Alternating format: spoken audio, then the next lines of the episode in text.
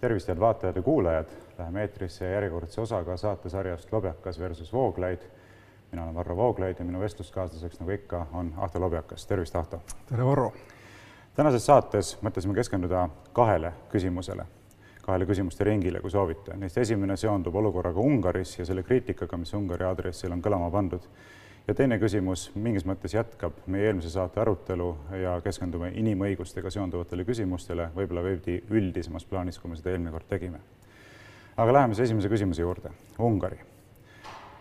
no ma pean ütlema, et minu meelest on need rünnakud, mida me oleme näinud juba pikemat aega Ungari suhtes, nii Euroopa Liidu poolt tulevana kui ka liberaalse meedia poolt sihituna nii Eestis kui ka teistes riikides üsnagi piinlikud ja häbiväärsed ma absoluutselt ei saa aru, et mis seal Ungaris siis nii halvasti on, et peaks olema õigustatud sellised hinnangud, nagu me hiljuti lugesime siin ka Postimehe juhtkirjast, kus öeldakse, et hüvasti Ungari ja et Ungari on vabast maailmast lahkunud. räägitakse, et tegemist on mingi diktaatorliku režiimiga ja kõige sellisega, pidades silmas, et Ungari äh, hävitajad on käinud siin viimastel aastatel mitmel korral Eesti õhuruumigi turvamas, minu meelest on selline käitumine ka lugupidamatu, mitte lihtsalt põhjendamatu, aga ma annan siinkohal selle sõnajärje üle ja eks me siis vaatame, kuhu me jõuame selle jutuga. no selle hävitajate küsimuse me oleme Türgi näitel siin mingil hetkel nagu ette võtnud ja see on tõesti omaette teema, mul on, ma arvan, et selle võiks nagu kõrvale tõsta, selle tänulikkuse või mitte, aga üldiselt printsiip ikkagi võiks olla, et me ei aktsepteeri moraalselt vastuvõetamatutelt jõududelt ega režiimidelt abi. ja siin on probleem jah, pigem Eesti kui Ungariga, aga minu jaoks vähemalt siis see, mis Ungaris toimub, on, on ka moraalselt aktsepteerimatu ja ma ilmselt Eestina ma keelduksin võib-olla järgmine kord sellest Balti õhuturbe rotatsioonist, kui see peaks siis koosnema Ungari lennukitest, aga kui tulla nüüd Ungari juurde, siis võib-olla veidikene distantsi aitab, ma olen viimastel nädalatel lugenud äh, jupikaupa Tatsituse kroonikat ja see on, see on juba tegelikult kroonika sellest ajast, kui Roomas vabariik oli langenud, aga aga, aga seal, ütleme niimoodi, et noh, tollel ajal oli hästi selgelt, inimesed tundsid, mis juhtus siis, kui tekkis, tekkisid konsulid, kes jäid põhimõtteliselt ametisse viieks aastaks, see viis aastat on muuseas ka Orbani puhul suhteliselt selline, mulle tundub niisugune sümboolne number seal, kuigi ma saan aru, et temal see eriolukord on lahtise otsaga, ja pärast konsuleid loomulikult äh, tulid imperaatorid. nüüd see, mis Ungaris toimub, kui me jälle, jälle astume kaks sammu tagasi ja vaatame seda ütleme, kaine pilguga, siis see on diktatuuri kehtestamine. iseküsimus on, kas äh, diktatuur on selline sullatüüpi diktatuur, kus inimesele antakse volitused riigis mingis eriolukorras või sõjas teha kõike, mis ta tahab ja siis aasta pärast astub tagasi või annab need volitused ära, eks seda juhtus ka Roomas, aga varem või hiljem sellised inimesed neid volitusi tagasi ei anna ning Orbani puhul mulle tundub ja Eestiski on selliseid jõude ja mujalgi Euroopas, kes on otse öelnud, et neil on no ütleme niimoodi, väärtuseline agenda, mille suhtes või mille, mille kehtestamine on nende jaoks imperatiiv, ehk mille kehtestamisest nad hoiduda ei saa, kuna muidu läheb riik või rahvus või midagi muud hukka. et, et kui sa vaatad näiteks EKRE retoorikat või minu pärast Orbani retoorikat või minu pärast kas või AfD retoorikat Saksamaal, siis probleem diktaatorlike volituste andmisega selliste parteide juhtidele ongi ju küsimuses, kas nad selle jõu tagasi annavad või selle võimu tagasi annavad, kui, kui midagi muutub ja nende enda retoorika, nende enda ideoloogia ütleb, et nad ei saa lubada sellest jõust või võimust loobumist, sest et vastasel juhul tuleb ju tagasi see liberaalne hädaorg jah, spekuleerida võib igasuguste asjade üle, et kas keegi teeb seda tulevikus või ta ei tee seda, praegusel hetkel mulle tundub, et mõttekam on vaadata faktidele, seda, mida keegi on teinud või ei ole teinud. Ja kui me vaatame faktidele, siis ma küll ei näe, et mis õigustab selliste siltide kaela riputamist näiteks Ungarile äh, nagu oleks tegemist diktaatorliku režiimiga või vabast maailmast lahkunud riigiga, mis seal see Ungaris siis nüüd nii väga tehtud on, mis õigustab nende nimetamist diktaatorlikuks režiimiks. mulle tundub, et siin on hästi palju sellist loosunglikku retoorikat ja palju vähem konkreetsetele faktidele vaatamist no,. Aga... kui me võtame sedasama Postimehe juhtkirja, seal ei ole mitte ühtegi konkreetset fakti, üks fakt, faktiväide oli välja toodud see, et kaks suuremat ajalehte on olnud sunnitud sulgema, on sunnitud sulgema oma tegevuse, lõpetama oma tegevuse. ma täna hommikul rääkisin Ungari mõttekoja esindajaga, kes ütles, et see väide on lihtsalt ühemõtteliselt faktiliselt vale. Ungaris on seitse suurt päevalehte, mis on pidevalt äh, valitsuse suhtes kriitilisel positsioonil ja kolm suurt päevalehte, mis on valitsust toetaval positsioonil. mitte ühtegi suurematest ajalehtedest pole viimastel aastatel suletud, rääkimata sellest, et seda oleks kuidagi võimu sekkumise tulemusel tehtud. mitte ühegi ajakirjaniku suhtes pole mingisugust kriminaalmenetlust ega midagi sellist algatatud ega läbi viidud. et kus on need faktid, mis võimaldavad väita, et Ungaris on tegemist diktaatorliku režiimiga. ja no ma toon ühe näite sulle veel, et praegugi, eks ole, nüüd seesama juhtkiri tõukub siin sellest, et Ungaris näed, on kuulutatud välja hädaolukord, mis annab piiramatud volitused Ungari peaministrile piiramata ajaks. mõlemad väited on selgelt valed. esiteks ei ole piiramata ajaks, vaid pandeemia lõppemiseni, väga selgelt on öeldud. ja teiseks mitte piiramatud volitused, vaid esiteks konstitutsiooniliselt piiratud volitused, konstitutsioonikohtu poolt kontrollitavalt kontrollitud volitused ja samamoodi on need erivolitused piiratud kõige sellega, mis on vajalik pandeemia ületamiseks, kriisi ajal pandeemia ületamiseks. nii et nii, nii vertikaalses kui ka horisontaalses dimensioonis selgelt piiratud volitused. ja noh, kui nüüd keegi ütleb näiteks, et aga kuidas siis niimoodi, eks ole, et äh, Ungaris on selline olukord välja kuulutatud, ma küsiksin vastu, kuidas, kuidas siis Eestis selle asjaga on, et minu meelest Eestis on olukord palju diktatuurilisem sellisel juhul, kui nendest samadest eeldustest lähtudes, sellepärast et Ungari konstitutsioon ütleb, et parlament võib iga hetk selle hädaolukorra lõpetada. kas või homne päev võib parlament selle hädaolukorra lõpetada. Eestis samal ajal me teame, et eriolukorda saab lõpetada ainult valitsus ise parlamendil pole siin üldse mitte midagi selles osas teha, no parlament võib küll umbusaldust avaldada valitsusele, aga põhimõtteliselt eh, parlamendil selline volitus piirab, ehk selle mudeli järgi oleks siis Eesti nagu rohkem diktatuuriliselt käitunud praegu kui Ungari. nii et äh, lühidalt kokkuvõttes minu meelest me peaksime rohkem vaatama selliseid fakte, mitte lihtsalt vehkima loosungitega. no see viimane argument on sul kahjuks puhtalt formalistlik selles mõttes, et Viktor Orban, Ungari peaminister, enda partei liider, juhtub kontrollima kahte kolmandikku parlamendist. rahva enamuse tahtel. jah, tal ei ole põhimõtteliselt äh, probleemi rahva enamuse mandaadiga, probleem tekibki liberaalse maailmakorra, ütleme Euroopas seni kehtinud või seni kehtiva korra vaatepunktist siis, kui saadakse mingil moel enamus, millest ei loobuta, milles ei kaitsta vähemusi, milles ei, ei ole enam piiranguid selle enamuse, enamuse võimu valdaja tahte teostamisele ja kui ma räägin. sellist olukorda, konstitutsioon kehtib, konstitutsioonikohus töötab, ei ole. aga hetkel näiteks ei saa teha kohalikke valimisi Ung Ungaris, kui sa räägid, kui sa räägid siin, ei saa muidugi, aga kui sa räägid siin näiteks, et on mingi aeg pandud paika selle pandeemia lõpuni või mis iganes, siis nii palju, kui ma Ungari kohta olen nüüd lugenud, rändekriisi ajal kuulutati välja seal eelmine eri hädaolukord on vist Ungari termin otsetõlkes, see hädaolukord pole senini lõppenud ja jumal teab, millal ta lõpeb selle selle pandeemia puhul, eks fakt on see, jällegi lehest loen või ma ei tea, raadiost kuulsin, Ungari opositsioon püüdis Orbaniga koos töötada, püüdis saavutada seda, et sellele asjale pandaks mingi tärmin, ei pandud tärminit. Ja noh, loomulikult pole kaht, kahekolmandikulist enamust parlamendis omades sul vaja ka opositsiooniga koos töötades, aga mis läheb allamäge, alla vett selles küsimuses ja miks ülejäänud Euroopa, eriti Vana-Euroopa, mis on sellistes asjades kogenud ja no ütleme, väga sensitiivne, mis, mis läheb alla vett, on, on õigusriik. jah, demokraatia on perfektne, aga need reeglid, mis peaksid kehtima ka siis, kui ainult üks inimene nii-öelda on noh, ütleme see vähemus, eks, üheksakümmend üheksa protsenti on enamus, otsustab midagi, selle ühe inimese õigused peavad olema garanteeritud, nagu temal oleks üheksakümmend üheksa protsenti hääle, häältest. ühesõnaga, demokraatia õigusriik on ühe mündi kaks külge ja seda, kui selle ühe külje nüüd siit ära võtad, nagu Orban on teinud. no kus siis... ta on teinud seda, ma küsingi, millega ta on teinud seda? no selles mõttes, et tema võimule ei ole piire, kuna ta omab kuidas ei ole, konstitutsioon kehtib? ei, konstitutsioon kehtib küll, aga kuna ta omab parlamendis kahe kolmandiku, kahekolmandikulist häälteenamust, siis hetkel, äh, kui ma ütlen, et ta on diktaator, põhimõtteliselt inglise keeles näiteks on ilus sõna rule by, väljend, rule by decree, see on sõna otseses mõttes kirjeldus sellest, mis toimub praegu Ungaris, dekreediga juhitakse riiki. no sisuliselt on ju samamoodi Eestis. see on, seesama sõna on muuseas pärit samast suurest on ju sisuliselt samamoodi Eestis ja teistes riikides, Soomes, Rootsis äh, no,, Norras, Taanis, Belgias, Saksamaal, Prantsusmaal, Inglismaal, igal pool on niimoodi, mille poolest Ungari olukord eriline? nii, me jõuame selle juurde natukene hiljem, selle konkreetse äh, inimõiguste teema raames, ma arvan, tuleme tagasi selle Euroopa Inimõiguste konventsiooni juurde, aga ma siin vahepeal vaatasin, Soome näiteks on ka teavitanud Euroopa Nõukogu piirangutest, aga need piirangud puudutavad Uusimaa maakonda sisenemist ja sealt lahkumist. Eesti on teavitanud Euroopa Nõukogu piirangutest, mis siin, ma ei tea, algavad isikuvabadust, ühesõnaga al-, algavad äh, liikumisvabadusega, lõpevad näiteks õiglase kohtupidamise äh, siis äh, peatamisega mingiks ajaks mingil põhjusel, ühesõnaga need magnituudid või suurusjärgud on väga erinevad ja Prantsusmaa, Suurbritannia, Saksamaa pole üldse millestki, millegi teavitanud, kuna pandeemia või ütleme, sellise äh, tervishoiuhäda tingimustes on riikidel õigus juba praeguse sellesama konventsiooni teksti alusel rakendada meetmeid, mis, äh, mis iseenesest lähevad põhiõigust, põhiõiguste vastu, aga on äärmiselt piiratud. millegipärast mulle tundub Ida-Euroopas ja noh, Orban on siin väga hea näide, äh, on väga palju poliitilisi jõude, kellel tekib mingisugune kiusatus minna nende meetmete ja, ja, ja asjadega Aga, no no, kaugemale, kui mindakse Lääne-Euroopas, ma lihtsalt lõpetan selle mõtte ära. No, ja see, see, see diktatuuri mõte muidugi noh, võrreldes ütleme nüüd siin Vana-Roomaga asjad on võib-olla natukene ebaselgemad, noh selge on see, et ükski Euroopas diktatuuri kehtestab, kehtestada sooviv inimene, kaasa arvatud ma ei tea, Lukašenko või mõni, mõni, mõni, mõni selline näide,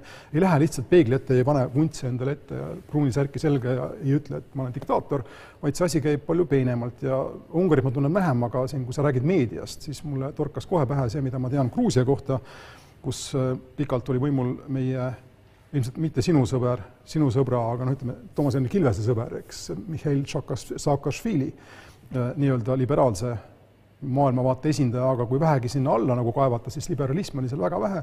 Ja mis puudutab siis meediaturgu, loomulikult olid ka, on siiamaani olid siis ka olemas äh, sõltumatud päevalehed Gruusias, aga mida iga selline inimene, kes tahab dikta-, diktaatori, ma ei tea, reaalset diktaatori võimu või võimu riigis enda käes hoida, mida ta teeb, ta kontrollib tele, telekanaleid.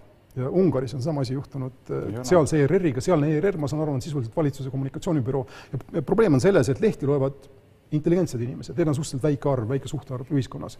kui sa televisiooni kontrollid, siis sa kontrollid enam, enamjagu ol- olulisest meediast ja jällegi sul ei ole vaja minna ja panna endale vuntsi ette ja öelda, et ma olen diktaator. minu üleskutse sellistel puhkudel oleks jälle vaadata faktidele, sinagi praegu lähtud, eks ole, Postimehe juhtkirjas kõlama pandud loosungist. ei, ma ei lähtu sellest, ma et, et ma, seal oli täpselt sama sõnastust just kasutatud, et Ei, ma- ERR on nagu või see ma rahvusringhääling. kasutasin seda sõnastust, aga ma olen seda kuulnud enda, Brüsseli aegu juba kuulsin enda kol- Ungari kolleegidelt, kuidas on töötada koos Orbaniga enne, kui ta läks üle võlli, ma räägin siin ajast kümme, kümme, kaksteist aastat tagasi.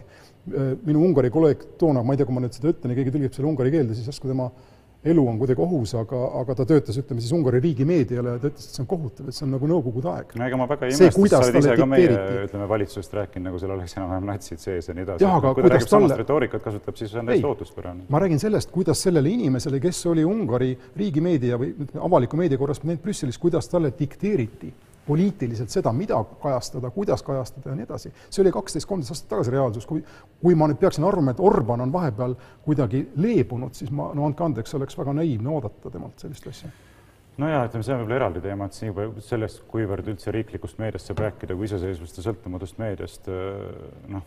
No BBC näiteks on sõltumatu, kuigi sa ilmselt vaidleksid ka sellega no ma ei tea, kuidas seal on see asi korraldatud, aga kasvõi eelarve kaudu ta ilmselt ei ole sõltumatu. no mitte loomulikult, aga vähemalt poliitiliselt on valitsus ta saab öelda, et teie eelarve langeb viiekümne protsendi võrra ja kuna meile meeldib teie tegevus, ongi kõik. no ongi nii, tänane valitsus ei salli BBC tegevust.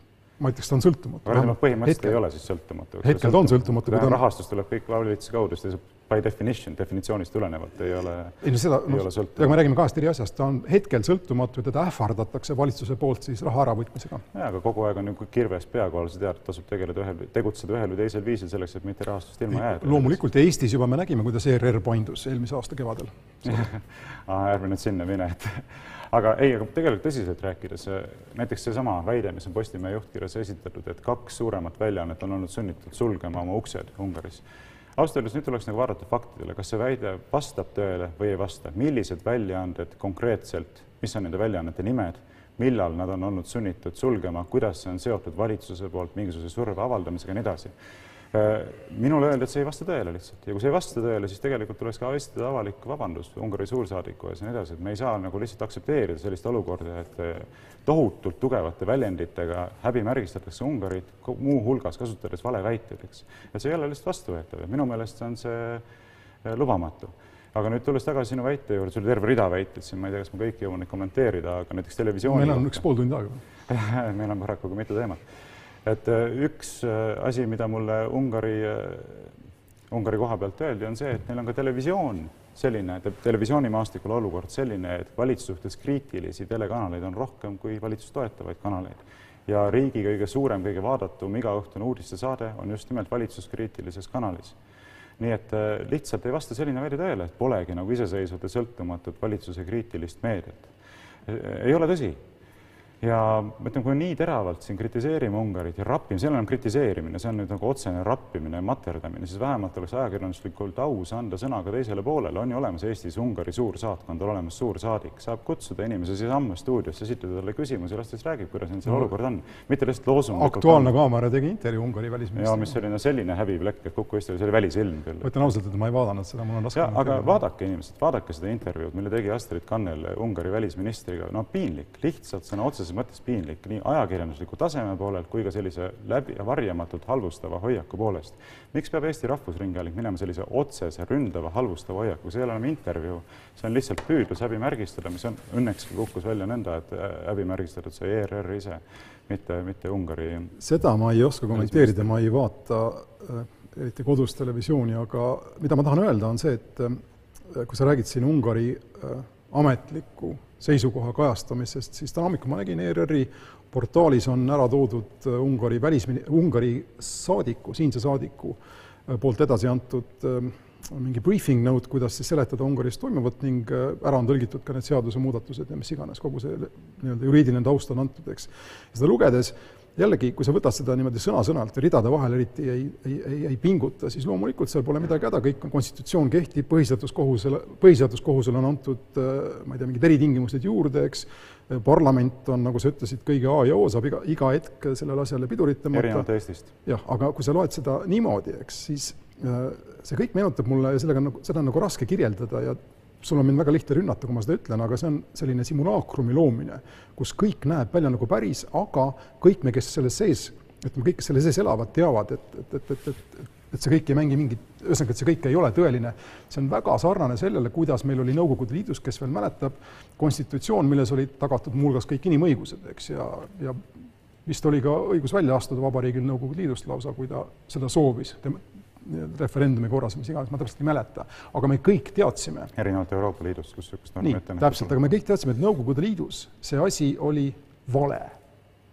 see oli põhimõtteliselt selline õhuloss või see on vale sõna praegu, see oli simulaakrum, mul ei ole paremat sõna, see oli, see oli selline pettekujutelm mm. -hmm mis loodi väga professionaalselt, no lõpupoole ei olnud enam professionaalne, aga, aga, aga see, see ütleme, avalike suhete kujundamine, PR osa sellest selles on ungarlased väga tugevad ning loomulikult nad pole seda leiutanud, nad on õppinud Trumpilt, nad on õppinud varasematelt äh, diktaatoritelt, varasematelt autokraatidelt ja nad teevad seda väga hästi ja nendega on selles mõttes raske vaielda, aga mida ma soovitaksin vaatajatele-kuulajatele, kes seda kes meid nüüd praegu ka kuulavad ja, ja loomulikult näiteks Postimehe juhtkiri ei saa ju mingisuguse kolme tuhande tähemärgi raames panna kõike kirja, mis on faktuaalselt oluline Ungari kohta. ta viitab. Ja palun väga, lugege ja otsige neid viiteid välja, nad on väga lihtsalt guugeldatavad, kaasa arvatud see näide, mille sina tõid, ma tõesti ei tea, kas pandi kinni või pandud kinni kaks, kaks siin meediaväljaannet, aga kui te loete rahvusvahelist kvaliteetajakirjandust Saksamaal, Inglismaal, Prantsusmaal, siis ei jää mingit kahtlust, et nende riikide, nende tsivilisatsioonide vaatepunktist see, mis Ungaris toimub,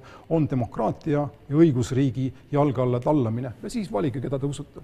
aga miks me peame üldse uskuma, mina tahaks ikkagi loota sellele, et inimesed on ratsionaalsed olendid, on suutelised ka ise olukorda analüüsima, vaadake faktidele kõrvutage neid fakte nende süüdistustega, mis esitatakse ja siis vaadake, kas need süüdistused vastavad tõele või mitte. mina ei kutsu kedagi üles usklikuks hakkama, et ole, ole Deutsche Welle uskuv, ole BBC kas sa räägid ungari keelt või loed sa ungari keelt? mina ei loe. ei loe. järelikult sa juba esimese esimesel astmel on sul vaja vahendajat, sa pead usaldama seda vahendajat, kes tõlgib sulle ungarikeelset teksti inglise keelde või ma ei tea, eesti keelde, eks. saad aru, ma üritan öelda, on see, et ei ole nii lihtne, et iseenda aruga äh, no mis sa tahad öelda, kui ma nüüd ei vastu valda ungari keelt, siis mul ei olegi võimalik aru saada? ei, ma lihtsalt tahan öelda seda, et selline väljaselgitamine igal juhul nõuab pingutust, kellelt rohkem, kellelt vähem ja igal inimesel ei ole selleks aega ega ka võimeid ega tahtmist ja seetõttu on meil olemas selline asi nagu ajakirjandus no,. ja mina eelistaksin kvaliteetajakirjandust, Saksa suuri lehti, ma ei tea, Inglismaa suuri lehti, eks, Prantsuse suuri lehti ja kõik nemad on ühel meelel enamjaolt praktiliselt. Ungaris on tegemist diktatuuriga. tegema seda tööd, mitte lehvitama loosungitega, vaid otsima välja faktid ja vahendama neid fakte inimestele, mitte tegemist, tegeleda avalikkuse manipuleerimisega, vaid tegeleda avalikkuse informeerimisega. näiteks sama väide, mis on Postimehe teistes artiklites ka välja, väljendatud välistoimetuse poolt kirjutatud artiklites, et Ungaris on antud peaministrile nüüd piiramatu võim, no see on otsene vale lihtsalt. aga miks ta vale on? Ungari peaministril on õigus dekreediga öelda või kehtestada mida iganes ta tahab. ei no, konstitutsiooni piires, ma selgitasin eelnevalt, konstitutsioon piirab juba võimu. konstitutsioon ja. piirab, seal on põhiõigused kirjas, seal on institutsioonide õigused kirjas konstitutsioonikohus teostab järelevalvet konstitutsioonist kinnipidamise üle endiselt, ei ole piiramatu.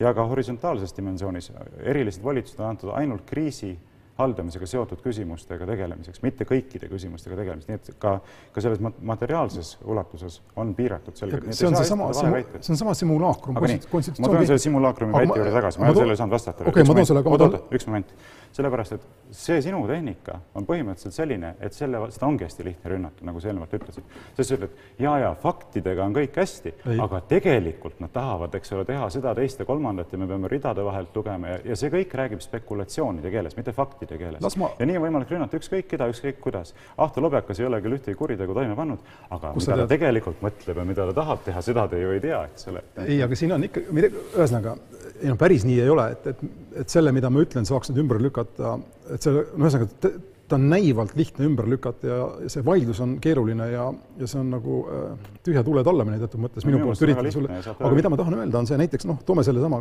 põhiseaduskohtu, eks riigis, kus äh, peaministril on kahekolmandikuline enamus parlamendis, kui sõltumatu sa arvad, on see kohtuvõim seal, jällegi ma ei ole Ungari ekspert, aga ma pakun sulle, tundes Gruusiat ja mõningaid teisi selliseid näiteid, äh, inimesel kellel on riigis absoluutne võim, on võim põhimõtteliselt kõige üle, mis on vähegi oluline ja arvata teistpidi oleks naiivne, arvat-, arvata, et Orban laseb selles riigis tegutseda eh, sõltumatul põhiseaduskohtul on minu arvates noh, lihtsalt rumal. aga miks see rumal on, miks see rumal on? aga sel juhul, sel juhul, miks ta tahab endale võimu, selle, miks ta tahab endale täit äh, kontrollimatut võimu. kontrollimatu võim, miks ta, aga lihtsalt ma, ma toon sulle näiteid. kas see on tema süü, et tal on rahva enamuse toetus? miks tal on vaja dekreediga kehtestada valitsuse poliitikat, mitte nagu tavalistes oludes, kuid eriti, kui ta kontrollib parlamenti, teha seda läbi parlamendi. sa ise ütled, et ta kontrollib vaja seda, miks seda Soomes on vaja meil ei ole dekreediga, meil ei ole tingimata dekreediga no, võimu. vahet ju ei ole. aga sisuline vahe, aga milleks, ütle mulle siis, milleks on vaja dekreediga Ungari peaministril võimu teostada. milleks on vaja see, vajalik see, et Ungari ERR või Ungari riigimeedia on täielikult valitsuse kontrolli all. milleks on, milleks on vaja ja kui sa loed sedasama materjali, mis oli ERR-i äh, saidil täna, kus siis Ungari saadik seletab, mis toimub, eks, milleks on vaja riigis, kus on olemas kõik need äh, kriminaalkoodeksis defineeritud seal valeinfo levitamine, muu sarnane, milleks on vaja eraldi seadust, mis ütleb, et teadlikult valeinfo levitamise eest sa lähed viie, kuni viieks aastaks vangi pakun, vaja on seda selleks, et äh, hirmutada võimalikke vastaseid, miks räägib Ungari valitsus mingisugusest organiseeritud kampaaniast tema vastu, see on kas paranoia või jällegi see on selline PR-vahend, millega anda vastastele. no kui me vaatame isegi Eesti liberaalses meedias toimub Ungari suunal, siis minu meelest ongi tegemist organiseeritud rünnakukampaaniaga. aga, aga kas, üks aga... asi, mida ma tahaksin mainida sinu puhul on see, et milles on Ungari valitsus süüdi, milles on valitsev partei süüdi seonduvalt sellega, et tal on rahva enamuse ülevoolav toetus. muuseas, praegugi arvamusküsitlused näitavad, et üle üheksakümne protsendi ungarlastest toetab neid meetmeid, mis on võetud selle ohuolukorra ohjamiseks ja üle ja kaheksakümmend protsenti isegi opositsiooniparteide toetajatest pooldab seda. ja, ja nüüd tekibki küsimus, et kas see on küsimus või sa tahad, ma vastan? ei, ei, ma ei taha, et sa vastad, et mul, see, see on retooriline küsimus selles mõttes, et tekib küsimus, et kas Ungari peaks lähtuma Euroopa Liidu soovidest, kas ta peaks lähtuma liberaalse meedia soovidest või peaks ta oma poliitika elluviimisel lähtuma rahva enamuse soovidest, nii nagu ta seda on teinud. mulle tundub, et sinu positsioon lähtub sellest eeldusest, et ükski partei ei tohigi saada absoluutset võimu parlamendis, sest vastasel juhul on juba definitsioonist tulenevalt enam-vähem tegemist diktatuurilise režiimiga, aga nii see ei ole ju, see eeldus lihtsalt ei vasta tõele. Jah, aga ta, vot see ongi see, ütleme seda, sellele küsimusele on tegelikult lihtne vastata, aga võib-olla noh, mitte niimoodi üks-ühele, vaid ma lihtsalt ma tsiteerin kedagi üheksateistkümnendast sajandist, üks Inglise äh, selline ühiskondlik mõtleja, ta nimi on Lord Acton, kes, äh, kellelt pärineb väga tuntud maksiim, millele eriti ei mõelda, seda visatakse suhteliselt lõdva randmega aeg-ajalt välja, aga võim rikub. Eesti keelde tõlgitakse seda, võim korrumpeerub. aga tegelikult mõeldud on veel seda, et võimul olemine, võimu omamine rikub vältimatult võimu omajat. sinna pole mitte midagi parata. ja selleks on olemas need reeglid, ehk see õigusriik ja kõik muu, võimul olija temast või võimul olijast ei saa oodata ega uskuda ega talle loota, et ta iseenda võimuiha, võimu tahtmist piirab. selleks on need reeglid ja kui nende reeglid, reeglite peale vilistada, siis meil on esimene märk sellest, et inimene, kes on võimul, on nõus või valmis minema kaugemale. minu arvates väga lihtne, miks meil on probleem Ungariga, miks Ungarit on vaja avalikult ja rahvusvaheliselt äh, häbimärgistada. kas sa ütleksid sama Angela Merkeli kohta näiteks? Angela Merkel on kes võimul. palju kauem võimul kui Viktor Orban. Angela Merkel, ma ei mäleta, et oleks ühtegi protseduurilist äh, sellist Fiatit kehtestanud, kus temal kantslerina on võimalik enda isiklikku tahet läbi suruda, ilma et ta peaks läbi rääkima enda parteiga, enda partei koalitsioonipartneritega. siis aeg ikkagi paratamatult ei korrumpeeri, nagu ma aru saan. ei, tal ei ole. et see on selline makiavellistlik, amoraal, amoraalne lähenemine võimu. Angela Merkel ei ole ainuvõimul, Angela Merkel on alati olnud koalitsiooniga võimul, erinevalt Orbanist, Viktor Orbanist Ungaris, kelle no, parteil on üksi kahekolmandikuline või enamus, minu arvates see vahe on kristlike demokraatidega tegelikult. ja okei okay,, aga see vahe on suur selles mõttes, Angela Merkel on alati olnud koalitsioonis temale mittesõbraliku erakonnaga, peamiselt sotsiaaldemokraatidega.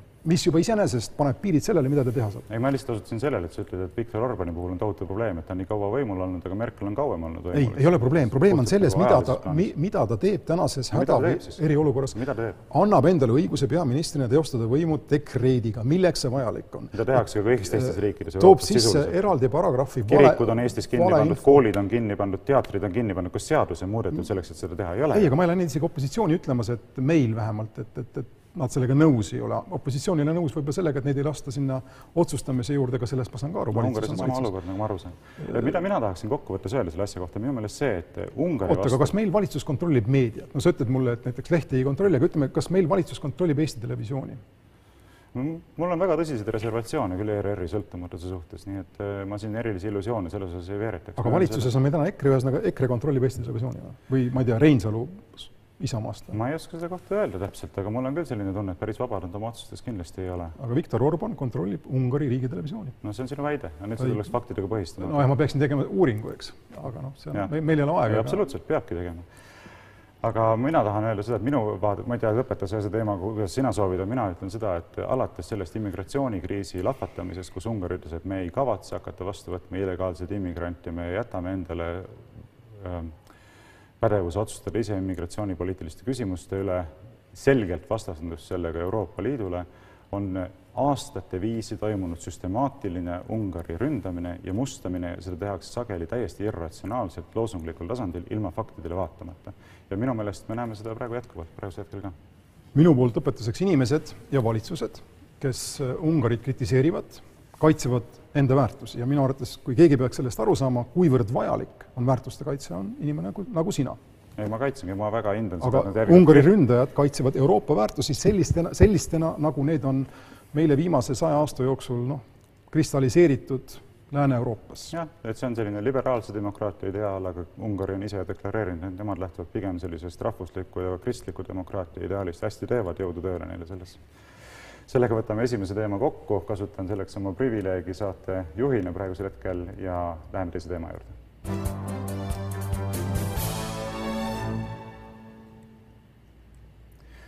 nii, tuleme siis tagasi ja vaatame küsimust inimõigustest. eelmises saates äh, alustasime seda diskussiooni sellepärast, et sa ise panid ette, et arutaks küsimus sellest, et Eesti on peatanud osaliselt ja ajutiselt Euroopa Inimõiguste konventsiooni kehtivuse. meie vaated selles küsimuses jäid äh, erinevaks, üksmeelt me ei leidnud, aga mõtlesime pärast seda saadet, et võiks rääkida edasi natukene üldisemalt, et äh, mida me inimõiguste all üldse silmas peame ja kas me käsitleme neid absoluutidena või mitte, kas tegemist on millegi sellisena, mis seisab väljaspool poliitilist vaidlust, poliitilisi diskussioone, peaks piirama poliitilist diskussiooni või on tegemist osaga poliitilisest diskussioonist.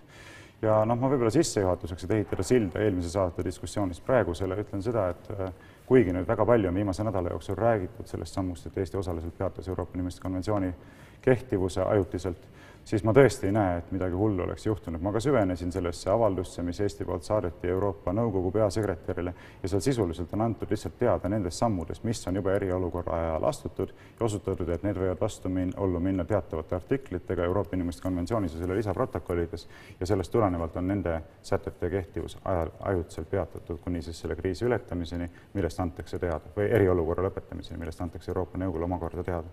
nii et ma siin tõesti mitte mingisugust suurt probleemi ei näe endiselt. nii, põhimõtteliselt ma saan su argumendist aru ja minu vastuargument või minu seisukoht, osa sellest äh, on noh, kahjuks mul tuleb korrata seda, mida ma ütlesin siin saade või kaks tagasi, äh, tegemist on Eesti puhul üle, ülereaktsiooniga ja minu arvates sellest annab tunnistust ka see ehmatus, millega kriitika selle sammu osas tabas siin välisminister Reinsalu ja valitsust, nad äh, lükkasid kohe Zotile ametnikud, põhimõtteliselt visati bussi alla äh, Eesti saadik Euroopa Nõukogu juures, Reinsalu ütles enda esimeses avalduses, et see oli see, et see, saadik põhimõtteliselt nagu omal algatusel olevat teavitanud Euroopa Nõukogu äh, ma ei tea siis, kas ta tegi enda juriidilise analüüsi Eesti valitsuse samme, sammude põhjal või mis iganes, aga see oli absurdne argument, eks, et siin saadik otsustab, tegelikult ta ei tohiks otsustada, sest et nagu me rääkisime möödunud, möödunud kord, peale kõige muu on tegemist äärmiselt sü-, olulise sümboolse sammuga, kui sa peatad sellise konventsiooni kehtivuse, eks põhimõtteliselt probleem on selgelt olemas, ma siin viitasin äh, probleemi järgmisele astmele, kui on ka lääneriike, kes on teavitanud äh, sedasama Euroopa Nõukogu enda sammudest, siis Soome mingil põhjusel teavitas ainult siis konkreetselt sellest, et Uusimaa Helsingit ümbritsev lään on, või on ta lääs, lään? lään. Äh, lään on, on suletud sisse- ja väljasõiduks ja loomulikult see on siis probleemiks isikuvabaduse äh, nimega liikumisvabadus vaatepunktist ja noh, okei okay,, Soome andis teada. Eesti, kui sa nüüd vaatad, jah, olgu, ma saan aru, et kirikutesse minna ei saa, liikumisvabadus on piiratud ja nii edasi, kusjuures liikumisvabaduse piirangud pandeemia ajal, ma saan aru, tegelikult on lubatavad ka ilma selle konventsiooni peatamiseta. keegi ei tea, kui ulatuslikult. okei okay,, no see, see, aga ütleme, seleta mulle ära siis kaks punkti, Eestis millegipärast, Eesti see mis iganes avaldus seal oli, eks, teavitus, seal loetleti üles konventsiooni punktid, mis peatatakse. ja nende punktide seas on äh, punktid siis, mis puudutavad vara puutumatust. millised meetmed täna Eesti Vabariigi, Eesti, Eesti Vabariigi valitsuse või tea, eriolukorra juhi poolt kehtestatuna äh, meil äh, rikuvad inimese või ütleme, eravara puutumatust, ma ei oska mõelda ühestki, välja arvatud, välja arvatud sellest, et võib tekkida vajadus kunagi selliseid meetmeid rakendada, aga see on ka minu teine või üks olulisi argumente, et seda tehti ettevaatavalt, valmistudes õigusi rikkuma, õigusi jah, siis riivama, eks mm, -hmm. ja seda ütles Reinsalu selgelt, ei tahetud teha või ei taheta teha, järelikult valitsus valetab. aga kõige hullem minu jaoks on äh, punkt, mis ütleb, et Eestis on peatatud nüüd vähemalt selle konventsiooni vaatepunktist siis õiglane kohtupidamine. mis põhjusel, kus see, millest see avaldub, milleks see vajalik on? Ma arvan, et mõlemale küsimusele on tegelikult suhteliselt lihtne vastata, ma kõigepealt ütlen seda, mida ma eelmine saade, kes oli juba ütlesin, et see, kuidas seda asja tehti, oli minu meelest ebaõnnestunud. oleks võinud ette teatada, et selline samm tehakse, oleks pidanud seda ette ka põhjendama ja oleks palju sellest segadusest ära jäänud samal ajal, mis on järgnenud, on peegeldunud ka väga suures ulatuses arusaamatus sellest, mis asi see Euroopa Inimõiguste Konventsioon üldse on ja milline on tema koht õigussüsteemist, muuhulgas seonduvalt sellega, et inimesed nagu ei saa aru, et põhiseadus on tagatud kõik needsamad õigused, põhiseadus kehtib endiselt edasi, Riigikohus teostab endiselt selle üle järelevalvet koos õiguskantsleriga, nii et mitte midagi sisuliselt pole muutunud, küsimus on pigem selle üle, kes otsustab selle üle, kas need piirangud, mida rakendatakse, on õiguspärased või mitte. aga nüüd vastuseks sinu küsimustele konkreetselt, muidugi on juba õigust omandile piiratud ulatuslikult praeguste meetmetega. kui näiteks keegi kohvikupidaja on olnud sunnitud oma kohviku kinni panema, kinopidaja on sunnitud kino kinni panema, kaubanduskeskuse omanik on sunnitud oma kaubanduskeskuse sulgema, see on ju otsene omandiõiguse piiramine.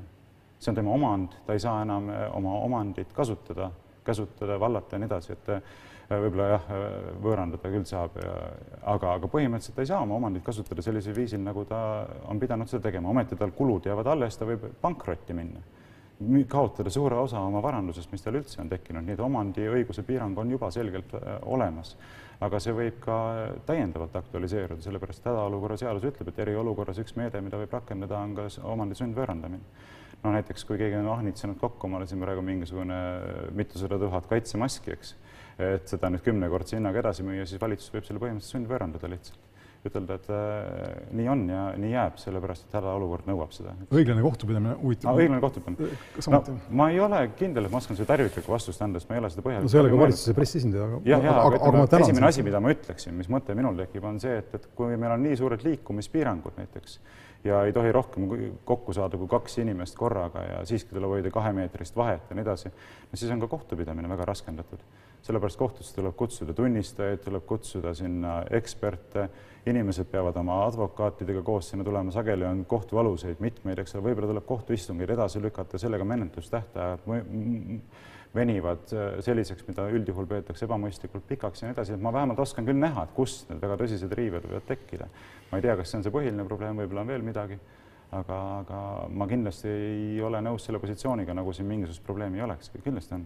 ma ei näe põhjust, miks on vaja peatada äh, konventsiooni tasandil nende õiguste kehtimine ja kui sa ütled, et meil põhiseadusega kõik kehtib, siis ma viitan tagasi Ungari näite juurde, kus ilmselgelt piisava enamusega on võimalik absoluutselt teha kõike riigis, mida sa vähegi tahad, kaasa arvatud muuta konstitutsiooni.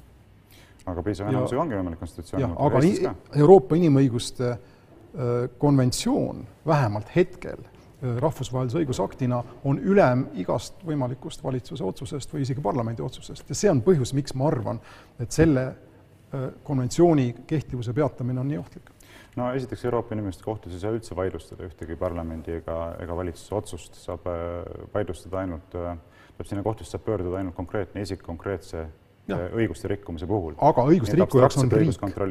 ei, see on selge, aga ma räägin õiguste, kui sa ei saa õigust, ütleme näiteks Venemaal väga paljud tšetšeenid on läinud mm. inimõiguste kohtusse, saanud sealt positiivse lahenduse, tavaliselt mingi rahalise kompensatsiooni või mis iganes. tähendab, inimene saab minna sinna riigi vastu ja riik on sunnitud selle kohtu äh, lahendit respekteerima, see on minu jutu point. seda küll, aga ta peab olema eelnevalt käinud läbi kogu kohaliku õigussüsteemi, esimene, teine aste, Riigikohus ja siis, kui ta ei rahulda, võib aga poole. mina lihtsalt ei usu, eriti väikeste riikide, eriti demokraatia osas nõrkade riikide kohtusüsteemi võimekusse jääda erapooletuks ja nii-öelda õigust anda inimesele, selleks ongi meil see konventsioon. no kuigi ma ei ole, ütleme, meie Riigikohtu ka kõige suurem fänn, ma ikkagi oman tema suhtes tunduvalt suuremat usaldust kui vist sina, sellepärast et ma ei leia, et nad oleks kuidagi vähem usaldusväärsed kui Euroopa Inimõiguste Kohus. ma kujutan ette, sa tahaksid apelleerida mujale kui Euroopa Inimõiguste Kohtusse, ma ei tea, kui, aga ei, ei ole sellist instantsi kahjuks, kuhu sa saaksid edasi kaevata, eks? ei ole, ei ole aga noh, ultimatiivselt küsimus seisnebki paljuski selles minu arvates, et inimõigused, kui me nüüd läheme nagu laiema küsimuse juurde ja palun tule tagasi konkreetsema juurde. ei, meil oli ka, me lubasime tegelikult rääkida natukene jah, siis äh, on üks suur-suur illusioon,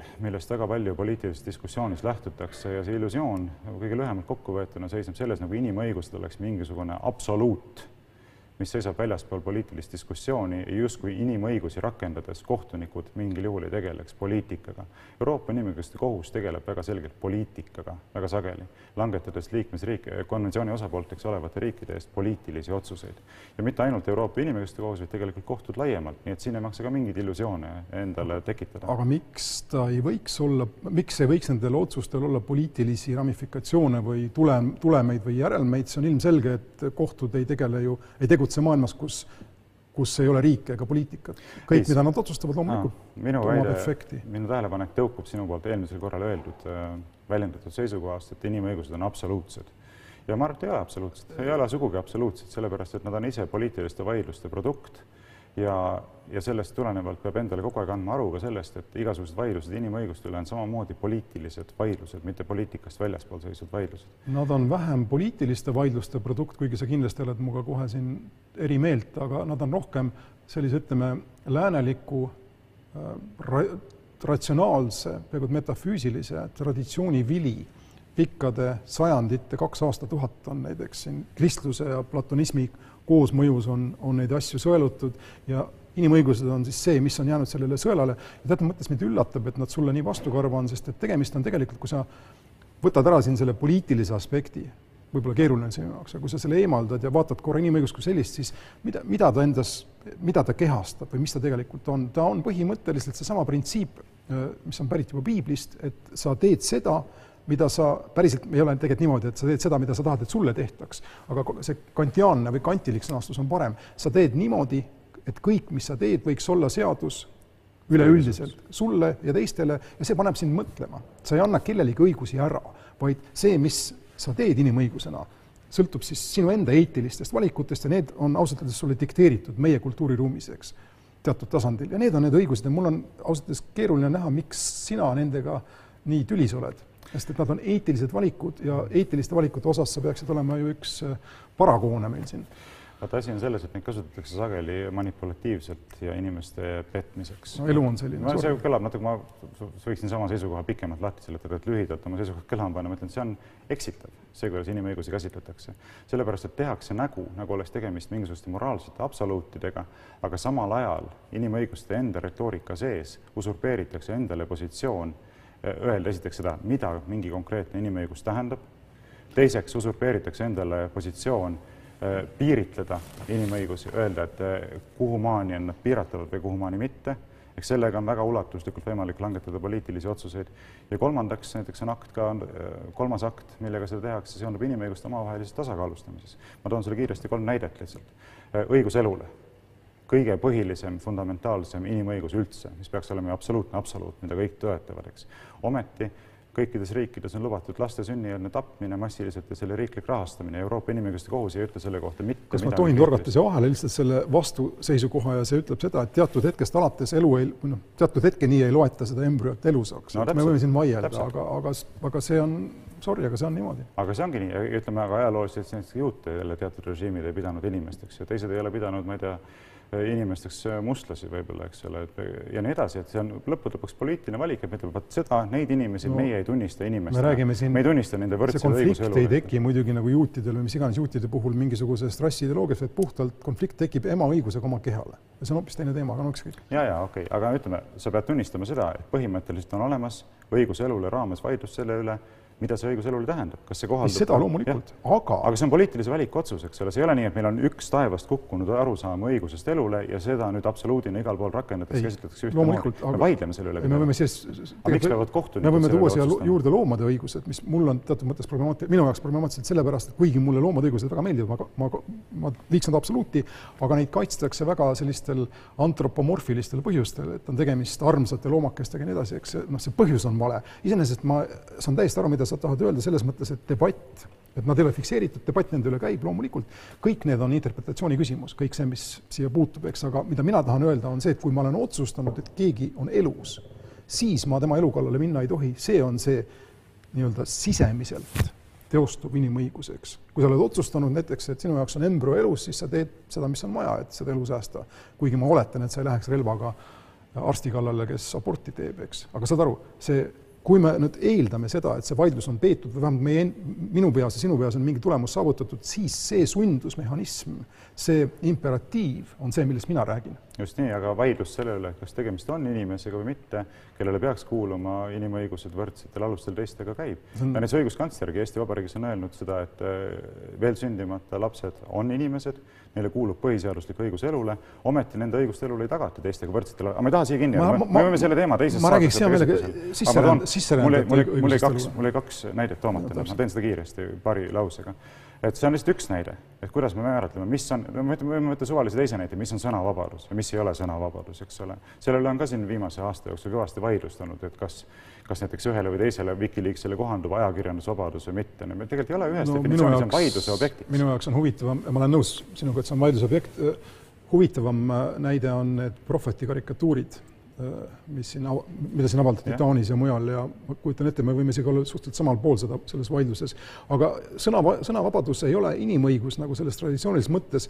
sul on vaja ühiskonda selleks, et sõnavabadus kehtiks, eks, ja kui sul ei ole sellist ühiskonda, siis noh, mis, mis, mis sa teha saad, Afganistanis prooviti neid äh, absoluut, absolutiseerida neid inimõigusi ja ei õnnestunud, selles mõttes ma olen sinuga nõus. aga jällegi ma tulen tagasi selle minu põhipointi juurde, lääne tsivilisatsiooni toodetena või produktidena, meil ei ole teatud küsimustes valikuid, ma arvan, et sa oled sellega nõus, ka usk, uskliku inimesena me oleme selles mõttes nagu sugulased, eks liberalism on surnud jumalaga kristlus tegelikult. natuke sinnapoole kisub, jah. ja mina räägin sellest, noh, ütleme meie enda südames leitavast käsust, eks, kõik, kes vähegi viitsivad selle, sellele mõelda, leiavad selle käsu. Ja see käsk on läinud meil häguseks just eriti paremal serval, kus hakatakse inimesi dehumaniseerima, sisserändajaid dehumaniseerima, huvitaval kombel embrüosid ei dehumaniseerita no see on dehumaniseeritakse ikka, mul on no, täpne. paremal tiival väga. absoluutselt dehumaniseeritud meie ühiskonnas. sul oli kolmas näide. aga jah, ütlen, et esimene on, kuidas määratleda õigusi, teine on see, kuidas neid äh, piiritleda ehk teisisõnu, kust lähevad mingisuguse põhiõiguse piiramise lubatavad piirid. et me, kui me vaatame põhiseadusesse või Euroopa Inimõiguste konventsiooni, sa näed, et peaaegu kõik õigused on esitatud sellisel viisil, kõigepealt on õigus ja siis teiseks selle piiramise alused. aga kust läheb nüüd see piir, millest edasi ei tohi seda õigust piirata, see on põhimõtteliselt poliitilise otsuse küsimus. ja kolmas näide on erinevad põhiõigused, mida tuleb tasakaalustada. sinul on õigus eraelu puutumatusele, minul on võib-olla õigus sõnavabadusele, nii. kui palju mina olen või kui palju mul on õigus kasutada sõnavabadust selleks, et tungida sinu õigusesse eraelu puutumatusele. aga see on ühiskondliku, see on ühiskondliku praktika. küsimuses juutidel on väga ilus minu arvates traditsioon või näide selles osas, toorat tõlgendatakse põlvkonnast põlvkonda, eks, midagi ei ole päris paika pandud, kõik on alati diskursiivne, ehk siis arutelu küsimus rab, rabide vahel ja nii edasi. ja ühiskond teatud mõttes peaks toimima samamoodi, loomulikult need õigused on tihti konfliktsed või lähevad üksteise konflikti. Äh, inimene on piiratud olend, ta ei saa kunagi absoluutselt teada, mis on õige ja mis on vale, definitsiooni kohaselt, ja loomulikult kõik see on arutelu äh, tulemus, aga eeldada ma arvan, et me võiksime, et inimesed, kes selles arutelus on, lähtuvad enda päris südame häälest, mitte enda rahvuse häälest või ma ei tea, mingist emotsioonist või millestki muust sapist, eks, vaid sellest ratsionaalsest teadmisest, mis on õige ja mis on vale ja pü- püüavad seda teha. no vot ja minu argument ultimatiivselt ongi see, et seda poliitilist diskussiooni tuleks pidada kodule nii lähedal kui võimalik, mitte anda ära seda mingisuguste mitte kellegi ees vastutavate. Euroopa kohtunike ees, kes langetavad neid poliitilisi otsuseid Aga meie siin- eest. nii et mina olen igal juhul selle poolt, et kogu see kompetents tuuakse Aga- kodule lähemale, mitte ei viida aga lapsed sa ometi saadad kooli, sest et kuigi laps on inimene embrüost alates, eks, mingil ajal sa ju eeldad ise ka, et laps ei tea piisavalt, et selliseid otsuseid teha. ja anna andeks, noored ühiskonnad on nagu lapsed, nad peavad kuulama vanemate tarkust, vastasel juhul tarkuse hankimisel puudub igasugune mõte. ma olen seda varem ka öelnud, kui näiteks Suurbritannia, ütleme, konstitutsiooniline traditsioon on kaheksasada aastat pikk ja me ei respekteeri seda pikkust, siis milleks üldse pingutada millegi nimel, kui kõik on saavutatav kohe, eks. Et see on minu argument, miks me peaksime kuulama vanemaid ja targemaid ühiskondi. no vot, ma ei leia, et Lääne-Euroopa ühiskonnad tingimata targemad oleksid nad praegusel hetkel ega ka tingimata vanemad, et kui me näiteks Ungarit vaatame, siis riik kuulutati välja aastal tuhat, eks ole, sellise kui äh, kuningas võttis vastu ka ristiusu, eks seda nad käsitlevad oma riigi algust juba eelmise aastatuhande lõpust, nii et paljudest lääneriikidest selgelt isegi vanem riik, aga see selleks. ma arvan, et äh, inimõiguste absoluutsuse või relatiivsusega seonduvaid küsimusi meil tuleb edaspidi veel käsitleda, aga praeguseks on meie saateaeg otsa saanud. Tänan kõiki vaatajaid kuulama, kuulajaid kaasa mõtlemast ja kohtume juba järgmisel nädalal. kohtumiseni! ja nagu ütleb Andrus Karnau, jääge terveks. mul on hea meel korrata teda.